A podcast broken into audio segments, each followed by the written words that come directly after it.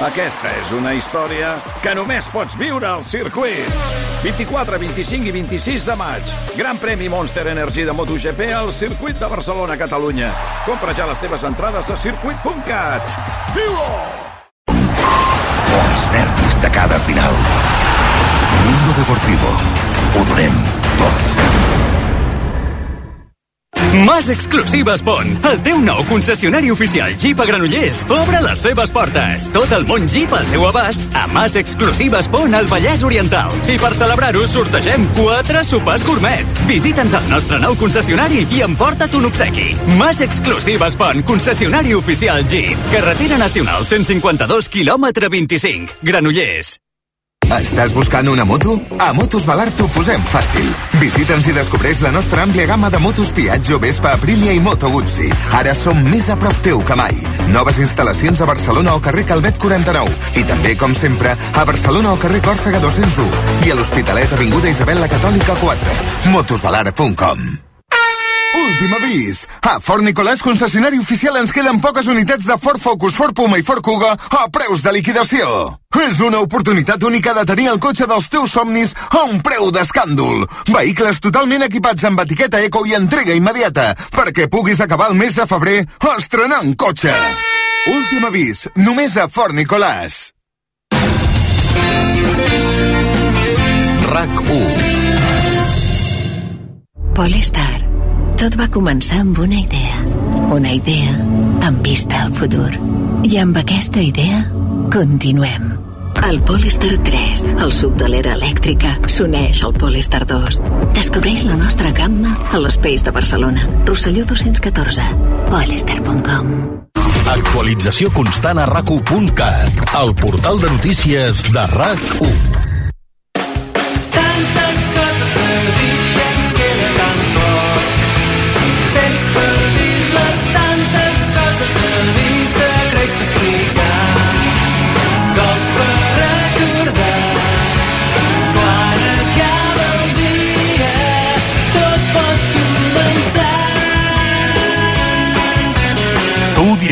Amb Gerard Ballera.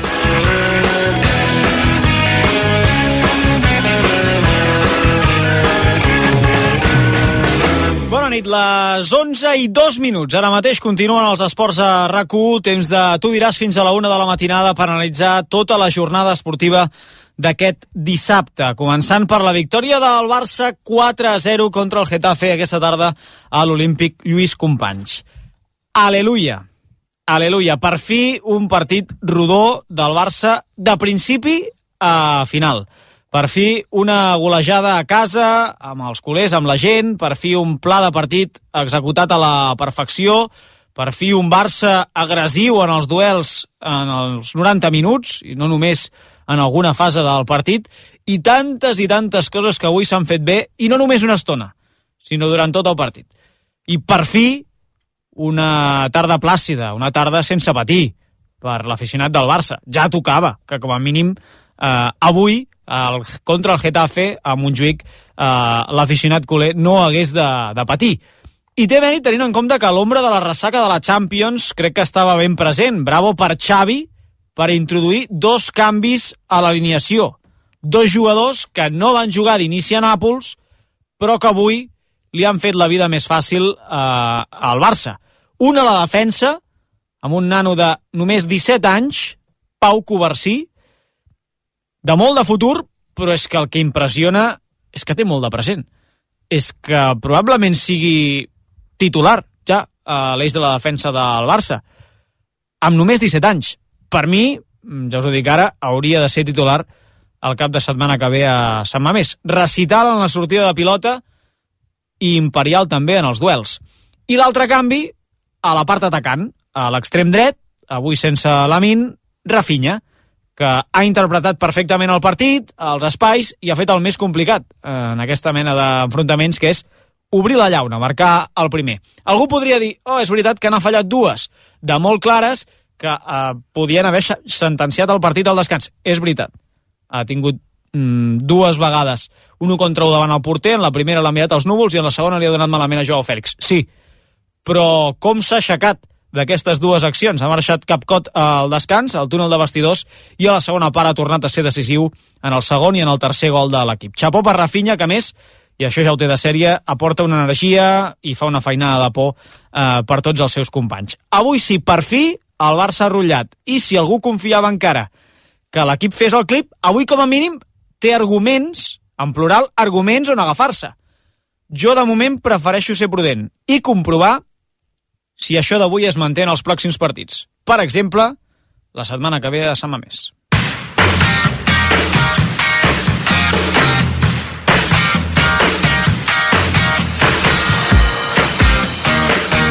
De seguida obrim tertúlia i comentem aquest Barça 4, Getafe 0 amb el Ferran Correas, el Marc Carmona, l'Oriol Riera i l'Albert Fernández. Abans, però, el dissabte ens deixa més titulars. Per exemple, s'han jugat dos partits més de primera. L'acabem de viure ara mateix. Almeria 2, Atlètic de Madrid 2. Un estat, l'Almeria de sumar la primera victòria de la temporada però li pispa dos punts a l'Atlètic de Madrid. I avui també a la vez un Mallorca 1. Això fa que ara mateix el líder sigui el Madrid amb 62 punts, el Barça és a 5 dels blancs, el Madrid encara amb un petit pendent, el que juga demà, el Girona tercer amb 56, és a dir, a 6 del Madrid, encara també amb el partit que ha de jugar, a un del Barça, i l'Atlètic de Madrid tanca la zona Champions amb 52 punts, a 5 del Barça i a 4 del Girona. Compte que la diferència entre l'Atlètic de Madrid i l'Atlètic Club de Bilbao és de només 3 punts. Demà l'Atlètic Club de Bilbao juga al camp del Betis. Podria perfectament igualar a l'Atlètic de Madrid en aquesta quarta posició. Per baix no hi ha canvis. Cádiz, Granada i Almeria, els tres que baixarien. Demà a les 9 de la nit, com deia, el, juga el Madrid contra el Sevilla en directe a rac Un partit marcat clarament per la denúncia del Sevilla presentada davant el comitè de competició i relacionada amb el vídeo tradicional que cada cap de setmana fa la televisió del Madrid en contra dels àrbitres. El Sevilla diu que tot plegat posa en judici la integritat de la competició i ho denuncia per esbrinar si aquests fets infringeixen el reglament general de la federació. Quin recorregut té aquesta denúncia? Doncs li preguntarem avui també durant el Tu diràs a l'advocat especialista en dret esportiu Josep Vandellós. Això a primera. A segona, i deu haver encara algun seguidor de l'Espanyol a aquesta hora de la nit amb el cor a mil pulsacions. No recordo un final de partit similar al d'avui a Ipurua. Perdia 2 a 1 l'Espanyol al temps afegit i al minut 97 i al minut 99 ha marcat dos gols i s'ha endut la victòria contra un rival directe per l'ascens, l'Eibar. No és només el què, sinó també contra qui ho ha fet avui l'Espanyol, que ara és en posicions d'ascens directe, segon amb 47 punts a 3 del líder, el Leganés, que avui ha perdut, i amb un més que l'Eibar, que en té 46. Després, amb el camí, sentirem què hi han dit els protagonistes. Tot plegat en un dissabte en el que, per exemple, en el futbol internacional a Anglaterra, el Manchester City s'ha imposat 0 a 1 contra el Bournemouth i l'Arsenal, ho hem viscut ara al Superesports, ha guanyat 4 a 1 al Newcastle. Està maquíssima la Premier. Liverpool 60, City 59, Arsenal 58. A Alemanya el Bayern continua a 8 punts del Leverkusen gràcies a un gol de Harry Kane al temps afegit. Ha estat el 2 a 1 davant el Leipzig i més enllà del futbol, en bàsquet, Joel Parra ha entrat a la convocatòria de la selecció espanyola per disputar el segon partit d'aquesta finestra FIBA contra Bèlgica. Ha viatjat, la primera decisió va ser tornar a Barcelona, però les proves diuen ara que l'esquins al turmell és molt lleu i que, per tant, entra a la llista dels 12 també hi és Ricky Rubio en una tarda a la Lliga Femenina en la qual ha guanyat el Barça Sant Feliuenc a la pista de l'Araski i el Cadí la Seu ha perdut a Ferrol.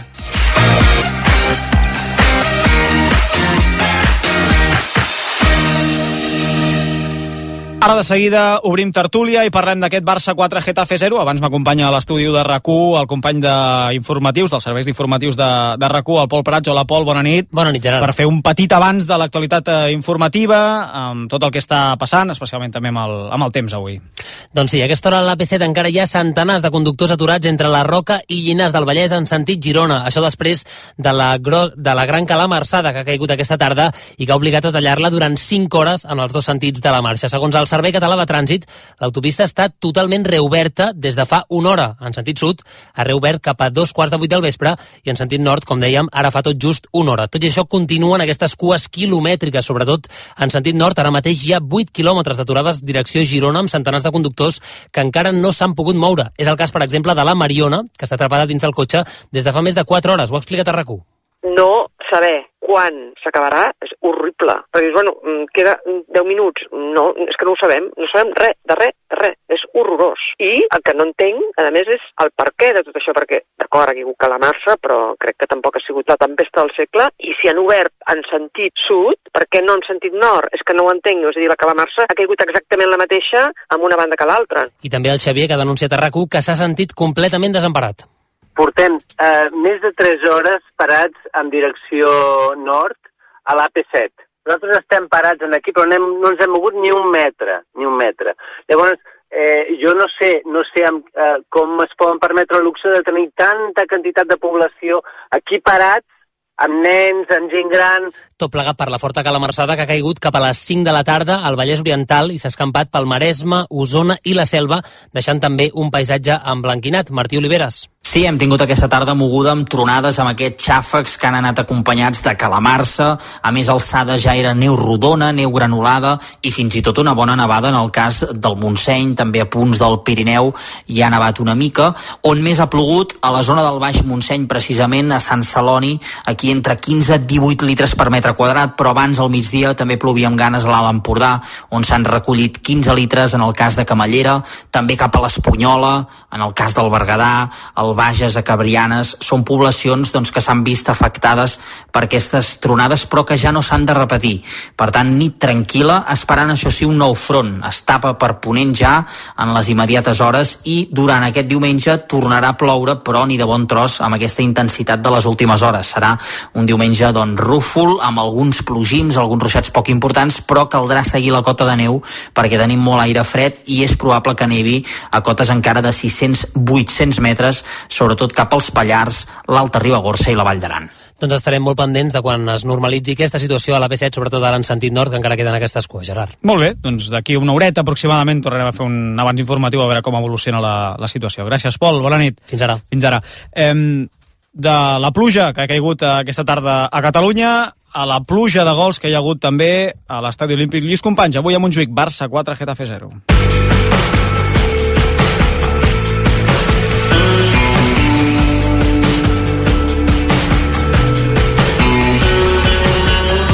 La pilota Covarsí, Covarsí amb Condé, la passada de Condé a l'esquena de Genés, boníssima per Rafinha, l'has de fer, l'has de fer, l'has de fer, gol, gol, gol, gol, gol,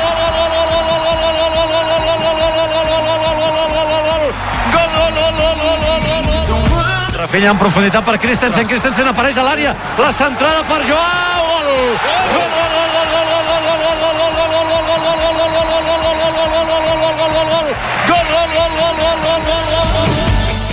Per veure la conducció ara de De Jong, De Jong la posa per Gundogan, Gundogan en profunditat per Rafinha i arribarà abans que el porter, el drible, a veure Rafinha, Rafinha, De Jong, la rematada, gol!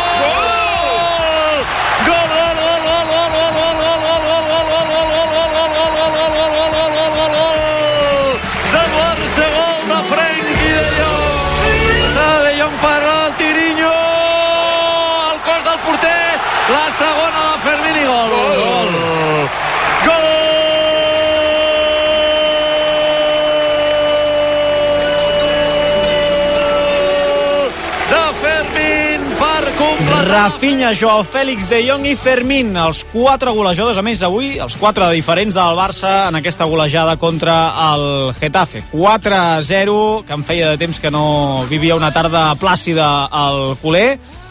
Veja, de golejades pràcticament des d'aquella contra l'Anvers eh, per 5-0 que no, que no n'havíem vist una altra. Hola, Ferran Correas, què tal? Bona nit. Molt bé, bona nit. Bona Una nit. mica de fred, però bé. Està, bueno, però avui no has patit, com a mínim. Gens. Ara, vull dir que... Clar, o sigui, no ens podem queixar avui pel fred, no? O, o sí? Bueno, eh, una avui, mica, eh? Avui és el primer dia que he vist eh, que a Montjuïc feia, feia fred, fred, de veritat. Sí, eh? Eh, hola, Albert Fernández. Hola, Gerard, què tal? Bona nit. Què tal? L'Albert no ha anat al, no ha anat al camp, però... però- Per tant, molt relaxat al molt sofà de casa. relaxat al sofà de casa, però és cert que de l'última de l'última tarda plàcida de futbol vull dir, no feia fred, no? L'última anàvem pràcticament en banyador, perquè crec que serà el 5 a 0 contra el Betis, no recordo un altre. Sí. A Lliga? En Lliga sí, sí, sí. Sí, de fet, van, ho he mirat abans, i van ser seguits el 5 a 0 del Betis I, del, el 5 a 0 i de la amb- Champions, amb però era, era al principi de temporada, per tant, ha, ha plogut molt, Sí. mai millor dit, com avui, i mira. Sí, sí. Hola, Marc Carmona, què tal? Molt bona nit. Bona nit. Tu també ben relaxat avui. Molt relaxat. Sense patir, Sí. eh? Ja tocava, relaxat, ja tocava. Ja tocava sí. quants, port... quants partits porta el Barça aquesta temporada? 38. En- 38. Mira, te'l saps de memòria, eh? Veig que... 38 tu tens preparat ja. i- i- de... i- Vens preparat de casa. Vinc, de treballar. Sí. De 38 ha arribat als últims 20 minuts amb tranquil·litat, 3 en tot. No? Jo crec que després de 38 partits és el primer en el que, mm, ara ho comentarem, no? però Sí. he vist el Barça que feia el que tenia que fer durant els 90 minuts. Hola, Oriol Riera, bona nit. Hola, què tal? Bona nit, companys. Bona nit, l'Oriol que també ens acompanyarà durant la nit d'avui per comentar aquest Barça 4, Getafe 0 i d'altres eh, qüestions. Eh, estàvem comentant això precisament, Oriol, eh, que es fa estrany un partit del Barça sense, sense patir, però home, eh, és que era també molt estrany que no hi hagués cap partit com aquest durant tota la temporada pràcticament, no? Vull dir que... I més a, i més a casa, ja sé que és una casa fictícia, Oriol, però ja tocava.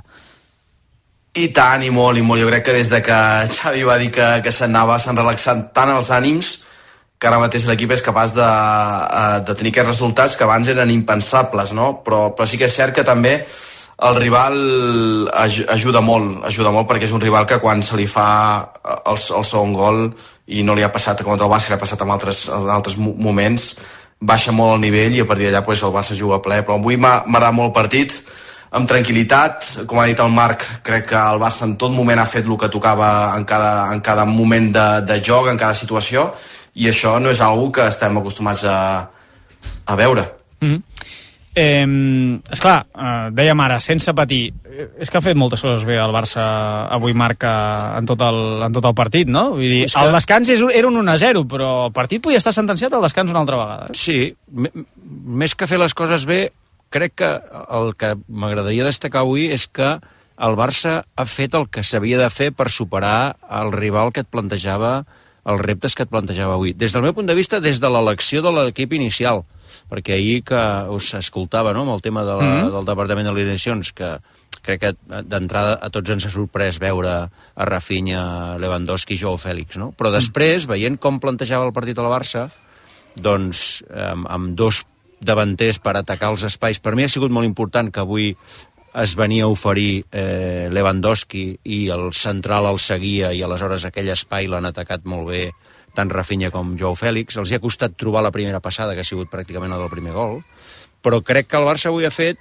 allò que havia de fer per contrarrestar el que et plantejava el rival, no? Començant per l'alineació, des del meu punt de vista, jugant amb tres davanters i amb tres migcampistes, i després fent el que s'havia de fer, que era eh, percutir constantment en això. No? Venia Lewandowski, eh, picava Rafinha. Venia Lewandowski, picava eh, Joao Fèlix. I des del meu punt de vista, mm, pues avui el Barça ha fet el que havia de fer.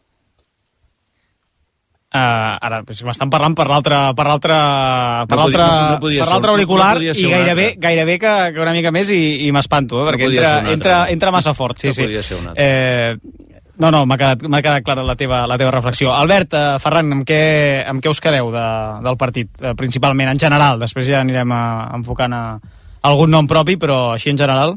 No, amb això, amb que jo crec que totes aquelles, eh, tots aquells partits que Xavi, eh, després del partit, eh, acaba dient que, que havien preparat unes coses i que no havien sortit, doncs eh, jo crec que tot el que havia preparat avui per, per contrarrestar un Getafe diferent, perquè estàvem acostumats a veure un Getafe eh, molt tancat sempre a la seva àrea i al seu camp, i el Getafe aquesta temporada, no és el partit d'avui, és més o menys durant tota la temporada, és un Getafe que, que ve, va a buscar els, els equips i que planta la, la, la defensa al mig del camp. Eh, eh, Xavi sabia que faria això Bordalàs i, i ho ha superat molt bé. Aquestes defenses es poden superar o amb aquestes passades llargues eh, buscant la profunditat dels davanters, o amb accions individuals eh, o amb alguna paret, com per exemple el, el tercer gol, el, no, el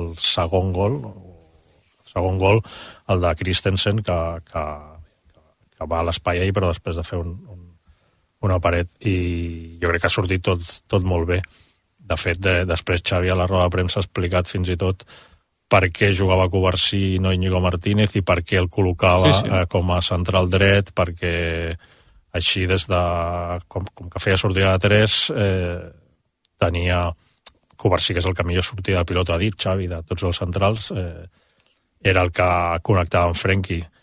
I és el que deies tu, jo crec que Rafinha, tant Rafinha com Joe Félix han fet un molt bon partit, anant, anant els dos a l'espai, un ha tingut més encert que l'altre, perquè eh, o més protagonisme que l'altre, perquè Rafinha l'ha tingut molt, però jo crec que és un partit en general coral de, de tot l'equip. Eh, després ja destacarem algú individualment, que per mm. mi el partit de, sí, sí. el partit de Covarsí és de, és de Déu. Sí, a, a mi em sembla interessant perquè crec que el Barça d'aquí al final de temporada es, trobar, es trobarà aquest context de equip que et ve a buscar, equip que et pressiona molt, i fins ara crec que el Barça li ha faltat saber atacar espais, ser una mica amenaçant en aquest context de partits. Per exemple, l'altre dia contra el Nàpols, quan el Nàpols està enrere, més o menys bé. Pedri, Lamin, jugadors que en espais curts eh, fan mal, però quan et poses per davant, clarament el Nàpols dona aquest pas endavant i tu no saps atacar aquest espai. No? Jo crec que eh, avui Xavi ha demostrat que té la capacitat l'equip i els futbolistes, les peces necessàries per, en aquest context de partits, que se'ls trobarà el Barça contra rivals més durs de Champions, si passa contra el Nàpols,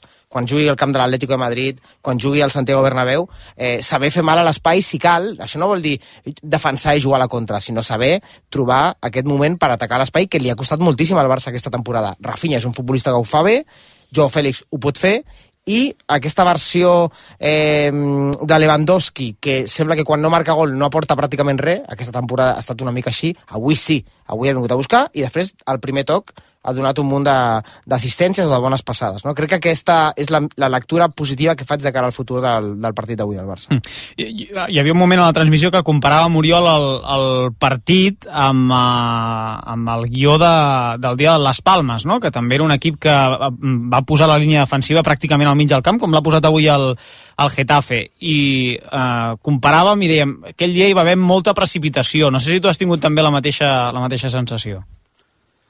Fixa't que, que durant la setmana jo tinc molt relació amb, amb tot el que és l'estaf de, de, de Bordalàs i aquesta setmana sí, em deien va, això, no? Que, va, va, va entrenar, eh, no, Oriol?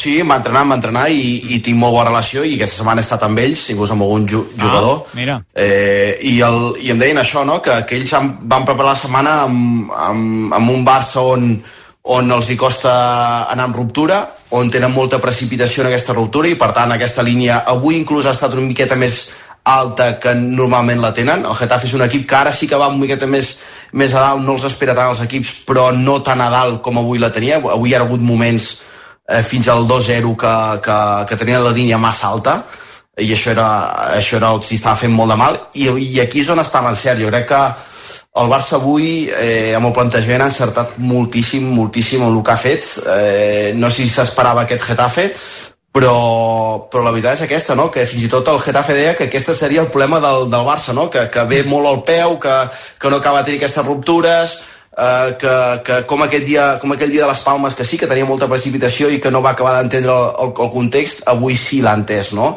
I aquí està, aquí està el, gran, el gran encert d'aquest Barça, que, que jo crec que hauria de tenir molt més, perquè aquí està la gran diferència en el moment actual i en el futbol actual. Aquests moviments de, de ruptura, uns van, els altres venen, eh, aquesta comunicació eh, gestual en, en, qui, en qui ve, en qui, en qui trenca, jo crec que, que, que és algo on el Barça pot millorar i, i avui ha estat el, el gran encert. No sé si tenia més informació sobre el que faria el Getafe, però la veritat és que, que ha estat un 10. Sí, doncs queda, queda claríssim el que volia el, el, el Getafe i, i com ho ha interpretat el, el Barça.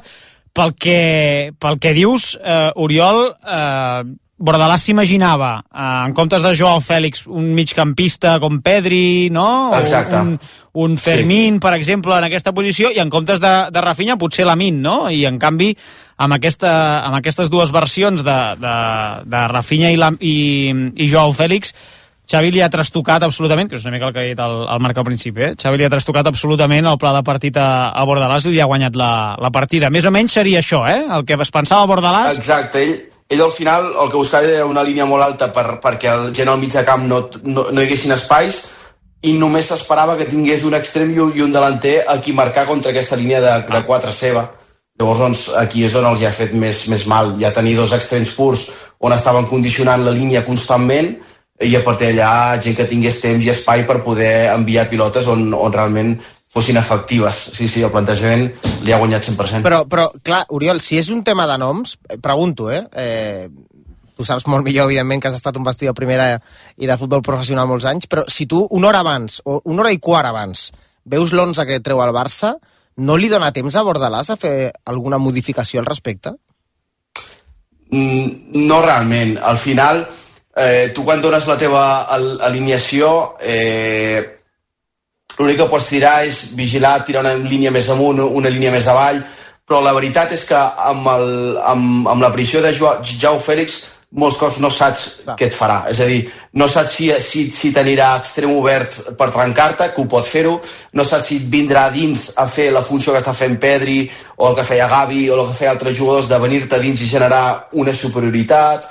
Al, al final sempre tens aquesta, aquesta incertesa que tampoc pots, eh, pots dominar. El Getafe és un equip que, que s'adapta molt bé als contextos i que avui no ha estat bé en aquesta adaptació dels contextos i que, i que i ja, ja ho ha dit Pepe també en la, en la roda de premsa final que, que avui no s'han adaptat bé en tot el que comportava l'equip i que segurament aquesta línia, si ara veiessin el partit la tirarien més enrere, no?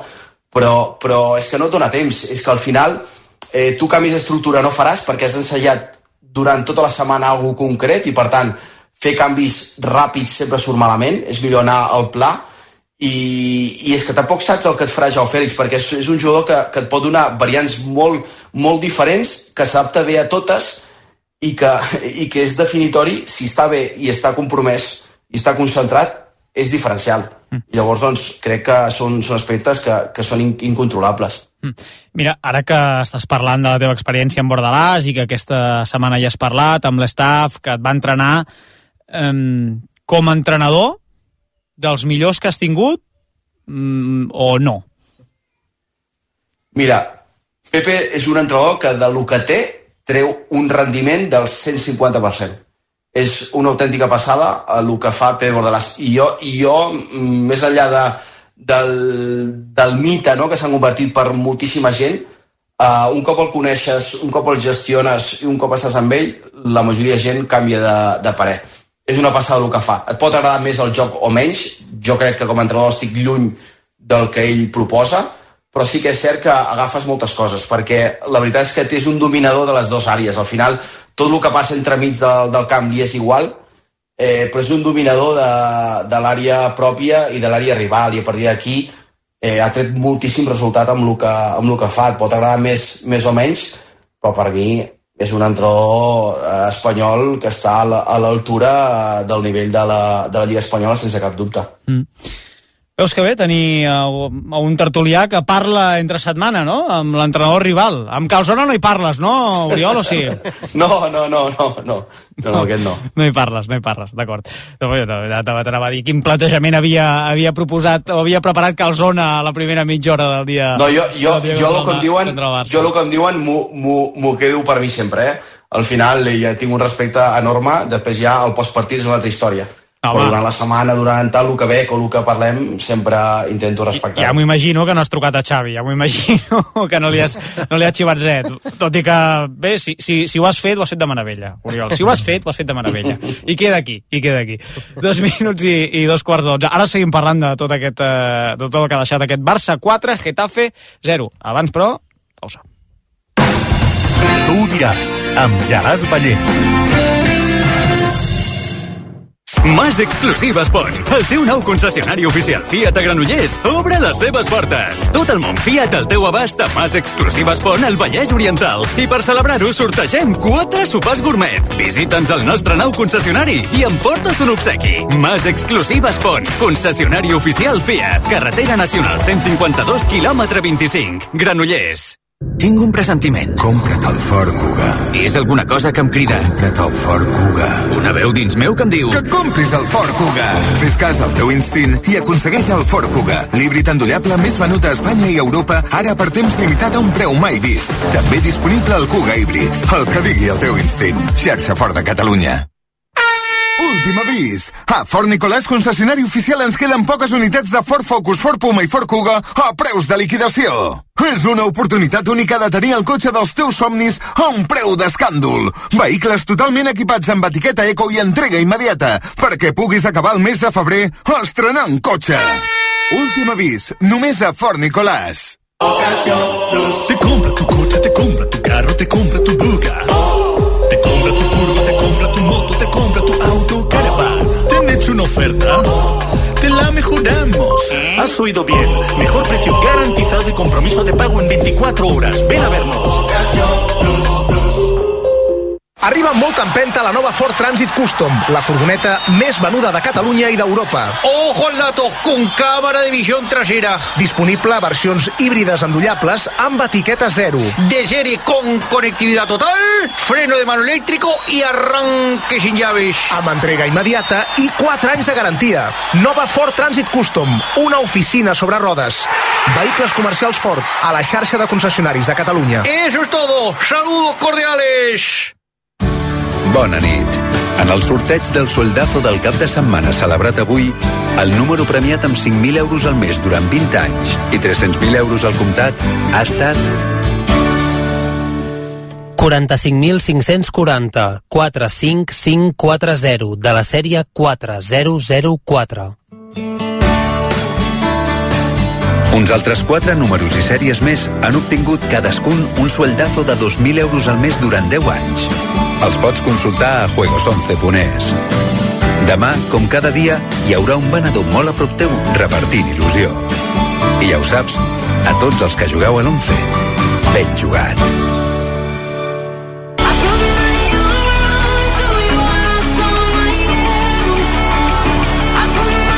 Tu ho diràs. Amb Gerard Ballera.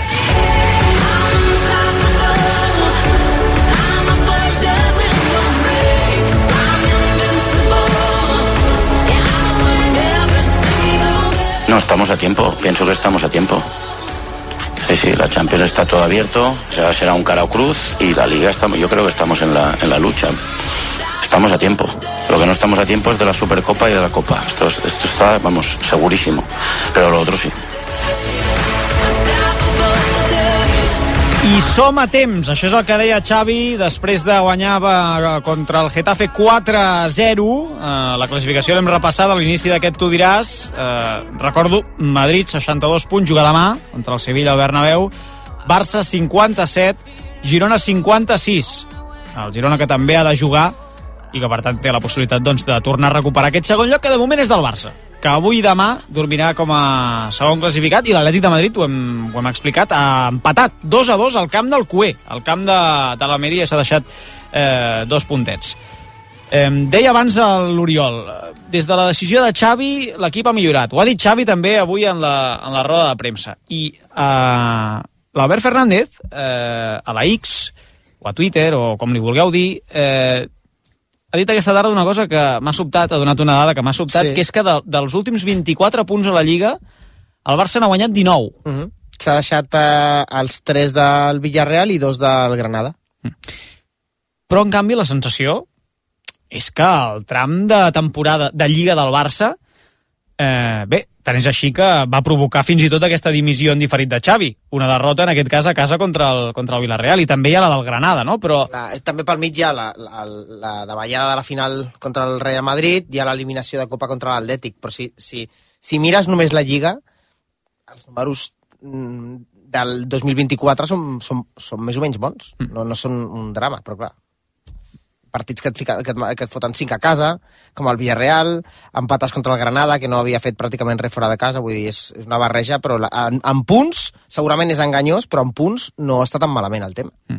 i més enllà de la setmana i del que pogués semblar el partit del Nàpols, no sé si potser és un pèl aviat encara per per, no? per, per dir, va, eh, ja aquest Barça s'ha destapat, no? és només un partit, rodó, eh, el Nàpols no va ser rodó, eh, no és només un partit rodó, s'ha de veure, no?, què passa, a més en el tram de calendari que li ve ara al Barça, que li venen desplaçaments complicats.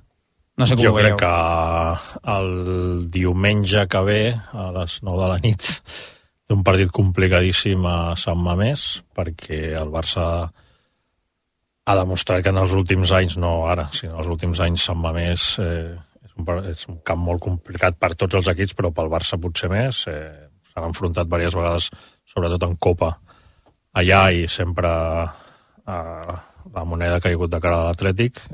Fa poc eh, l'Atlètic va va eliminar el Barça i jo crec que aquell partit serà demostrarà una mica el, si la recuperació aquesta del Barça, que jo estic d'acord amb que no sé si des de que no sé si tot aquest tram que deia l'Albert sí que és cert que en números de Lliga eh, si no m'equivoco portes des de que Xavi diu eh, que marxa només s'ha perdut dos punts contra el Granada. Sí. o sigui, en, de 15 has guanyat 13 eh, però les sensacions de joc eh, el dia de l'Alavés mm, encara.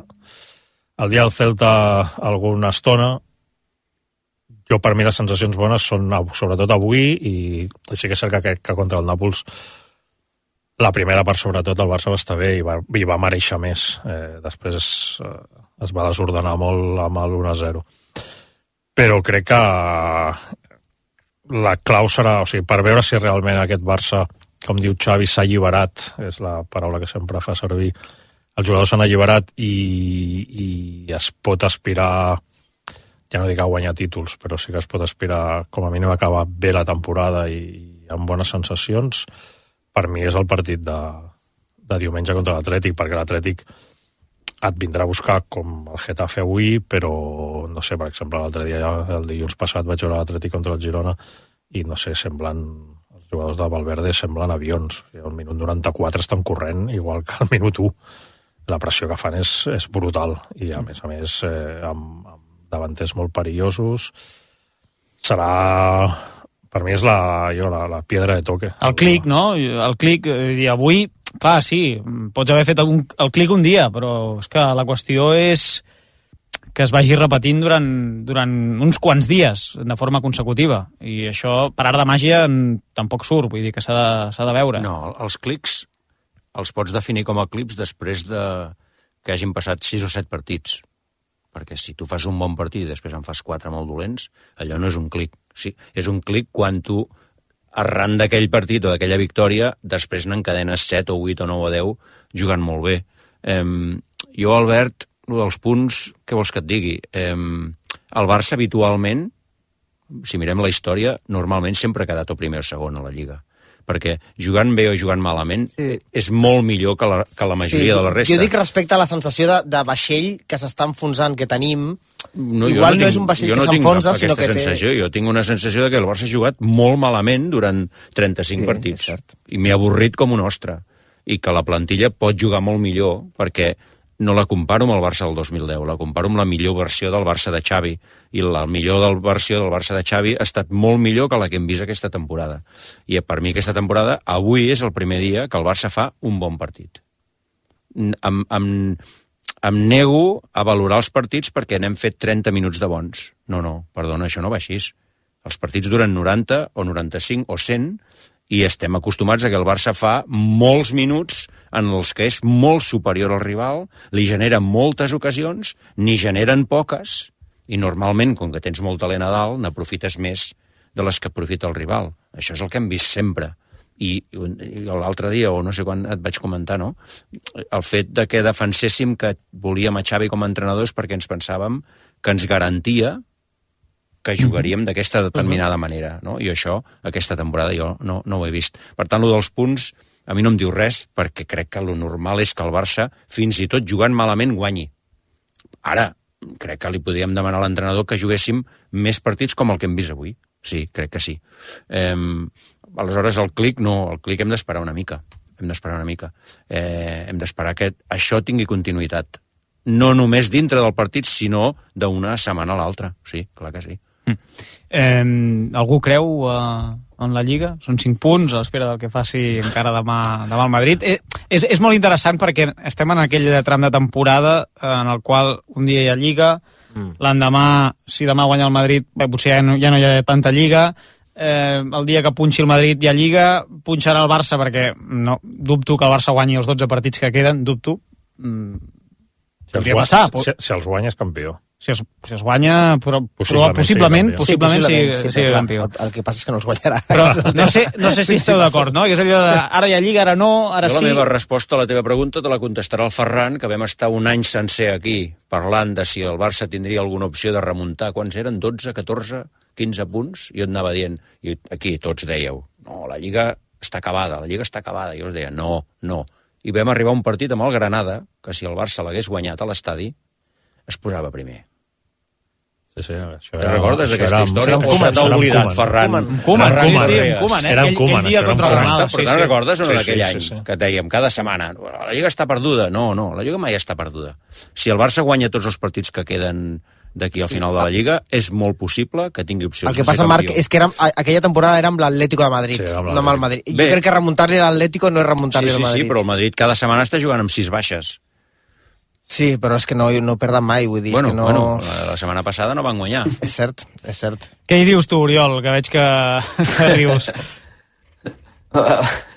és, jo crec que, que és complicat remuntar amb un Madrid tal com està, però és, jo estic molt, molt amb el Marc, al final eh, tot és remuntable fins que els números no, no, no ho diguin que és impossible. I, I hem vist coses molt pitjors en futbol, perquè en futbol tot és possible. Tot és possible. I que tindrà el seu moment on el Barça guanyarà o, o perdrà i que havia d'haver guanyat i que si això donava la possibilitat a, jo crec que el, es tindrà aquest, aquest moment segur, segur perquè el Madrid no guanyarà tot, eh, absolutament no, i el Barça dependrà, jo crec que exclusivament d'ell. Si el Barça guanyés tot, jo et diria que el Barça podria ser cam, campió, mm. perquè és, és una lliga molt complicada. Com a mínim, Correas, com a mínim ja no mira... El cinquè ja no el mires, no? O encara de raó? No, aquí ja no el el mires. cinquè el mira l'agut, ara. No, perdona, perdona. Uh, segurament, l'agut l'ha de mirar, l'agut l'ha de mirar. Però, eh, no, no, tu fa dues setmanes miraves el cinquè, vull dir, Sí, no fa tant, no, eh? home, i, S'ha de i més, o menys, me, més o menys la, la diferència... Sí, tu encara el mires, eh? Allò... Home, és que és, és fàcil. La, Bé, és veritat que el proper partit és contra l'Atlètic És que el Club. cinquè és l'Atlètic. L'Atlètic, si guanya els dos propers partits, Eh, està, raó, està a dos punts del Barça. Sí, sí, passi el que passi. Torna a mirar el cinquè. Passa, no, passi però- el que I passi. que no només això, mira, l'Atlètic de Madrid ha punxat uh, fa un moment, o sigui que ha empatat al camp de l'Almeria. Jo, respecte a possibilitats de, de títol, eh, crec que és molt, molt complicat, sobretot perquè el Real Madrid està fort, tot i que va empatar l'altre dia i que és cert que eh, té moltes baixes, com deia el Marc, i hi ha algunes que les nota més que altres, per exemple la de Bellingham. Eh, jo crec que si demà el Madrid no guanya eh, el Sevilla, ja no dic que perdi, només que empati, quedaràs a 6 punts, tenint en compte que has de jugar contra ells, que és evident, si vols guanyar la Lliga has de guanyar el Bernabéu, això és així, això són les comptes que feia Johan Cruyff. Uh -huh. eh, són 3, per què no? Perquè potser demà el Sevilla no guanya. Ja, no, no, he dit empata. sí, el Se- sí, demà el Sevilla Home, ja tenim la portada de un Deportivo, segur que serà mm, a Liga, no? Segurament. Sí, sí. Pas a no, pas, no? Per partit a no? partit, partit a partit, per què no? Eh, tres minuts i arribarem a, a tres quarts de, de dotze. Deixarem el debat de si hi ha Lliga o no, aparcat com a mínim fins demà, eh? com a mínim fins demà. Farem re, un minut de pausa i quan tornem parlem d'un parell de noms propis. Mm, Un nano de 17 anys i un brasiler, Rafinha, que avui ha marcat i també s'ha reivindicat això que no estava sent titular. Era la minya mal el, el titular a l'extrem dret. Ara tornem. RAC 1 O Cafè Mio. Gourmet La Vanguardia et porta a casa l'autèntic cafè italià amb la màquina S Cafè. Una cafetera única amb un kit de degustació de 18 càpsules i 6 tasses de disseny per només 89 euros. Comença a gaudir de l'aroma del veritable espresso a gourmetlavanguardia.com RAC més 1, podcast. RAC més presenta... La resposta de les noies és... Si t'agrada la música i t'agrada jugar... Bowie no és segur. Són els 30 segons més llargs de la meva vida, que El Trivial Musical de RAC1. Molt bé, 3 punts. Una competició espectacular que posarà a prova els vostres coneixements musicals amb Edu de Batlle. Tres dones i tres homes de rac afinen l'oïda en una batalla musical pensada perquè vosaltres també hi participeu. Juga amb nosaltres al Trivial Musical. Apunten a un paper i posen el micro sobre per tapar-ho. Escolta-la a l'app de RAC1 i a rac1.cat. RAC més 1. RAC1. Tots som 1.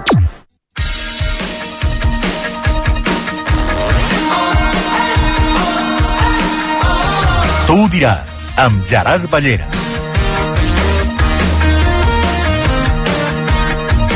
Aquestes alçades puc dir que Covarsí és el millor, el millor en sortida de pilota. I és un espectacle veure-lo jugar, com tria l'home lliure, com amaga passe, i, i va en funció de, de què fa el contrari, ara et faig jo.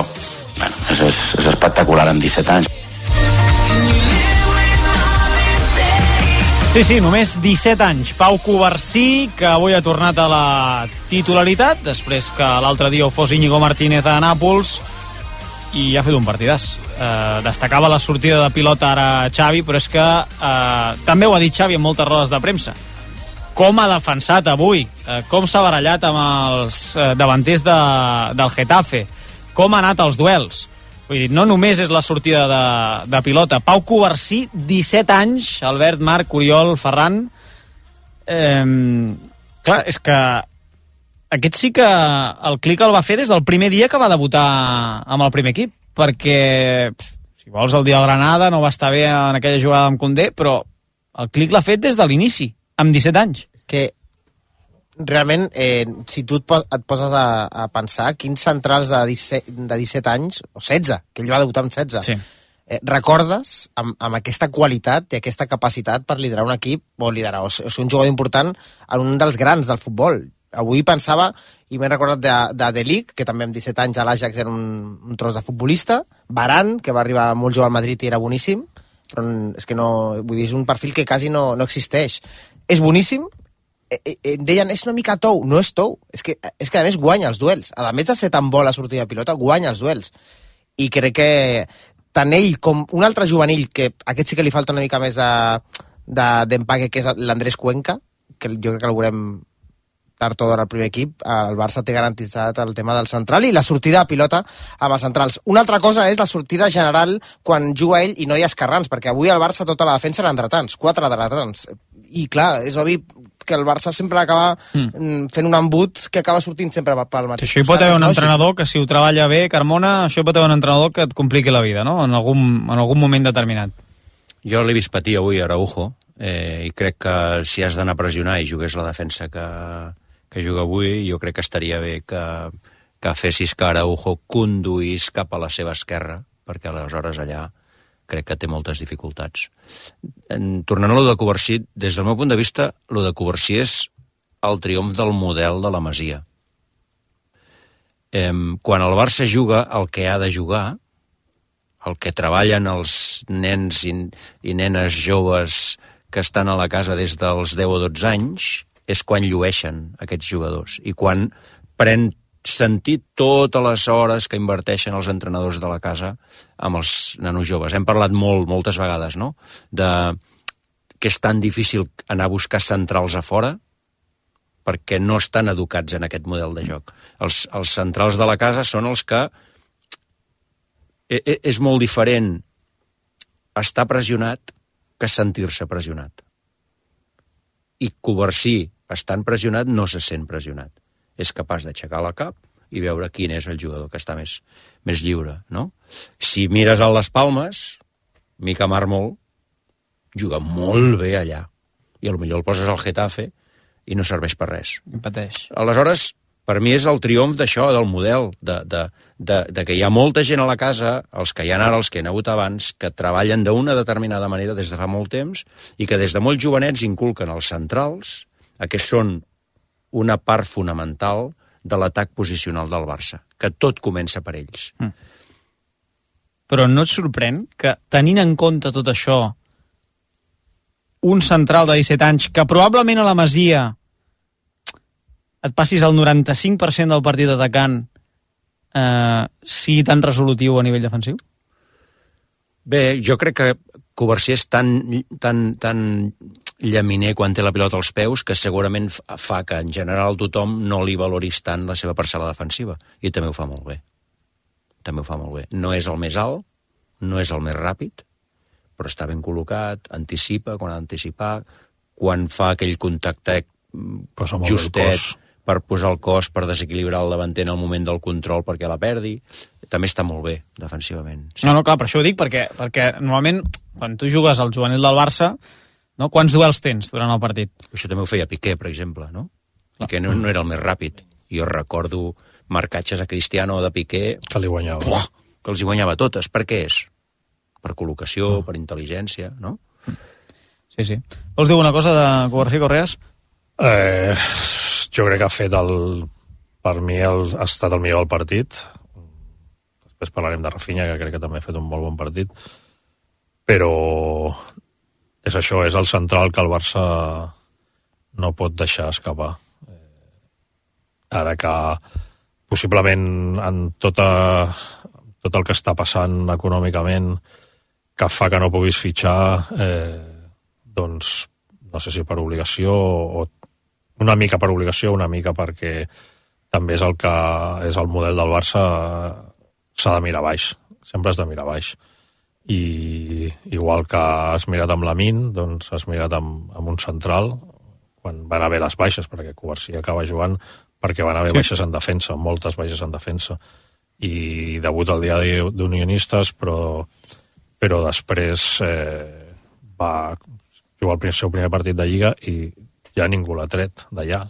Des de llavors, avui ho mirava, excepte el dia del Granada, des, de cada, des del seu primer partit de Lliga, excepte el dia del Granada, que surt a la mitja part perquè Christensen fa una primera part molt dolenta i acaba sortint Covarsí, des d'aquell dia ha estat titular en tots els partits de Lliga.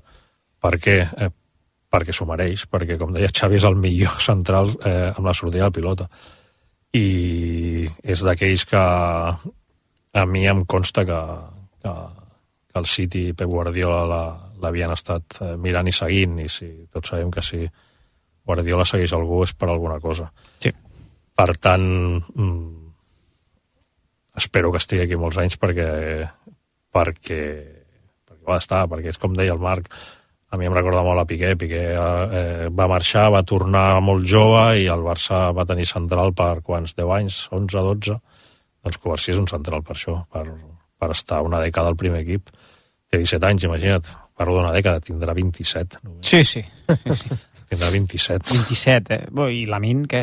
Lamin serà No, no, encara sí. que- una mica més i anirà encara amb la sub-21. Clar, Eh? al final, al final de, de, de, de, de tot això que li està passant al club econòmicament, mira, sortiran coses bones. I és que mm, l'any que ve tindràs el primer equip segur a la Min, tindràs el primer equip segur a Covarsí, possiblement a Héctor Ford, i, i són jugadors molt vàlids. Si, per què has d'anar a buscar un lateral si tens Héctor Ford, Mm. per exemple? Deia el Marc el triomf de la Masia. Oriol, això de la Masia a tu et sona. Eh, què, què et genera veure Covarsí eh, amb 17 anys fent aquests partits amb el primer equip del Barça? Mira, crec que al final la Masia ja, ja ha estat sempre, no? I, I més que un èxit de la Masia, jo crec que és un èxit de creure en la Masia, no? Eh, I és una pena que, que aquest creure sorgeixi, i no és el primer cop, eh? Sorgeixi en moments de, de debilitat ec- econòmica. És una autèntica pena, jo crec que hauria de ser el model. És que crec que hauríem d'anar a buscar fora el que realment eh, millora amb, amb un grau molt gran el que tenim a casa eh, i això només passa, en la majoria de casos, en l'últim terç de, de camp. Aquells jugadors que trepitgen l'últim terç de camp, que han de ser diferencials. Tot el de més, crec que a casa tenim moltíssims jugadors, i inclús alguns que ens hem deixat escapar, que ara mateix podrien estar en l'equip i ho farien molt, molt, molt bé. Pau, al final, és un jugador que, que el veiem i, i sempre està jugant bé. És a dir, és aquell jugador que sempre juga bé, perquè, perquè està ben col·locat, està ben concentrat, és un jugador que tàcticament entén molt bé el joc, ja sigui ofensivament com defensivament. Defensivament el veurà sempre ben col·locat, veurà sempre eh, oferta en Puig a poder entrar en el duel perquè sempre ocupa la posició que, que ha d'ocupar. A dir, jo crec que és un jugador que, que, que amb aquesta maduresa que sembla que, que té és un jugador per, per molts anys i, i et dic més, a, a, a la Masia i, en, i alguns que ens hem deixat escapar també la tenen. Parlàvem abans de Mica Mármol, jo crec que és, és un perfil eh, de central que no n'hi ha, Esquerrà, eh, ens hem deixat anar perfils que, que tranquil·lament podrien estar a primera divisió jugant eh, i que podrien suplir jugadors que, bueno, que venen de fora i que, i que no són tan diferencials i aquest hauria de ser el model Barça que sempre ha funcionat i que no hauríem de treure quan, la, quan econòmicament van mal, van mal dades. Mm. Eh, titular a Samamés, Covarsí? Crec que sí, la, la, la... perquè vull dir, en Lliga sempre és titular. La, el meu dubte realment... Titular contra el Nàpols? Aquest, aquest és el meu dubte, perquè justament en aquest partit va ser el dia que Xavi va decidir que, Bueno, va que no estava preparat. Va tirar experiència, suposo que hi havia Ociment, que, que és, un, És normal. Tio molt fort. Molt normal. Jo a Sant Mamés espero que sí, però també crec que jo crec que Araujo juga sempre i sense Mamés potser Íñigo Martínez eh, juga. Ja. També és un escenari complicat per Íñigo, eh, Sant Mamés, la, vull dir, ja la pressió Però clar, la, la, la, la Sí, però sortida de pilota haurà de ser el molt precisa. Copa, el partit de Copa, eh, els joves van jugar molt bé a Sant Mamés. molt. Covarsí va fer un Covarsí va fer... Héctor Fort. Héctor Fort que va haver d'entrar perquè es va lesionar eh, Valde. Eh, Valde, Valde, Valde, que se lesiona, sí, sí. i la Min va fer un partidàs a, a Sant Mamés. O sigui que no, són nanos que demostren que els hi dona igual jugar a Sant Mamés que jugar al camp de la Muntanyesa. Veurem, queden encara unes quantes setmanes eh, pel dia del Nàpols i estic segur que passaran coses. Eh, vull dir, hi haurà mill... baixades de rendiment, millores de rendiment, eh, tant de bo no hi hagi cap lesió, però a vegades, a vegades també passa, per tant, a veure què passa el dia de, del Nàpols aquella setmana quan ha, quan hi arribem. El millor del partit no ha estat Pau Covarsí per la transmissió del Barça Juga a rac Ha estat Rafinha, que en declaracions a Movistar ha explicat com la competència amb Lamin eh, Yamal els fa millor no només a ell, sinó també a Lamin. Teniendo a Lamin ah, compitiendo conmigo, para mí es un privilegio porque Lamin va a ser un jugador de, de alto nivel, un jugador de, de los mejores seguramente que va a ser. Y bueno, poder competir con Lamin es, es un honor para mí. Y bueno, y creo que esto no- nos hace mejorar, tanto a mí como a él. Tener esta competencia, eh, viendo a eh, haciendo buenos partidos, marcando, asistiendo, esto me hace, me hace querer eh, evoluir más como, como jugador y bueno, y creo que seguramente que, que Lamin también lo piensa lo mismo. Entonces, esta competencia a un equipo como el Barça hay que tener siempre y me alegro mucho de competir con Lamin. La competència amb Lamin Yamal, de Rafinha, que eh, si tots dos estan sants fins a final de temporada, eh, serà constant, entenc, a l'extrem dret de, del Barça. Lamin era titular, és el titular a priori en aquest extrem dret, però Rafinha estava lesionat i ha estat ja, diguéssim que en alguns trams de temporada eh, lesionat, sancionat també al principi de, de temporada, etc etc. Del partit de Rafinha, eh, li ha anat molt bé avui perquè hi havia espais. Teniu més dubtes el dia que no n'hi hagi eh, i creieu que potser Xavi el dia que, per exemple, hi hagi una pressió més alta pugui optar per Rafinha que vagi millor a l'espai i el dia que els equips es tanquin una mica més sigui la Min el que jugui a l'extrem dret? Podria ser una solució o no? Jo no, jo no tinc cap dubte. O sigui, la, la, la, la, la gràcia de l'entrenador és escollir els millors jugadors pel partit que tu t'imagines. Aleshores, em sembla que, ho he dit abans, que crec Mm. que l'encert de Xavi avui ha començat per l'alineació. En el partit que ells s'havien imaginat, crec que avui Rafinha era un jugador perfecte per atacar l'espai, perquè crec que ataca millor l'espai que, que la mal. El Barça juga mm, la majoria dels partits contra equips que normalment estan més minuts replegats, amb defenses de 5, que, no, que et vinguin a buscar o que et venen a buscar un moment i després es repleguen. En aquest context, des del meu punt de vista, no hi ha discussió. Crec que ha de jugar la Min perquè és molt millor en l'1 contra 1 amb, amb poc espai. Um, quan apareix la Min, fa uns quants partits molt bons, 6 o 7, però després, quan torna Rafinha, juga Rafinha.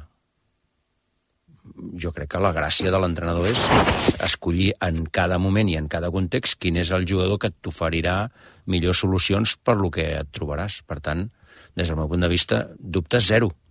El context d'equip que t'espera darrere amb defenses de 5 o 4-5-1, mm, la min, no tinc cap dubte.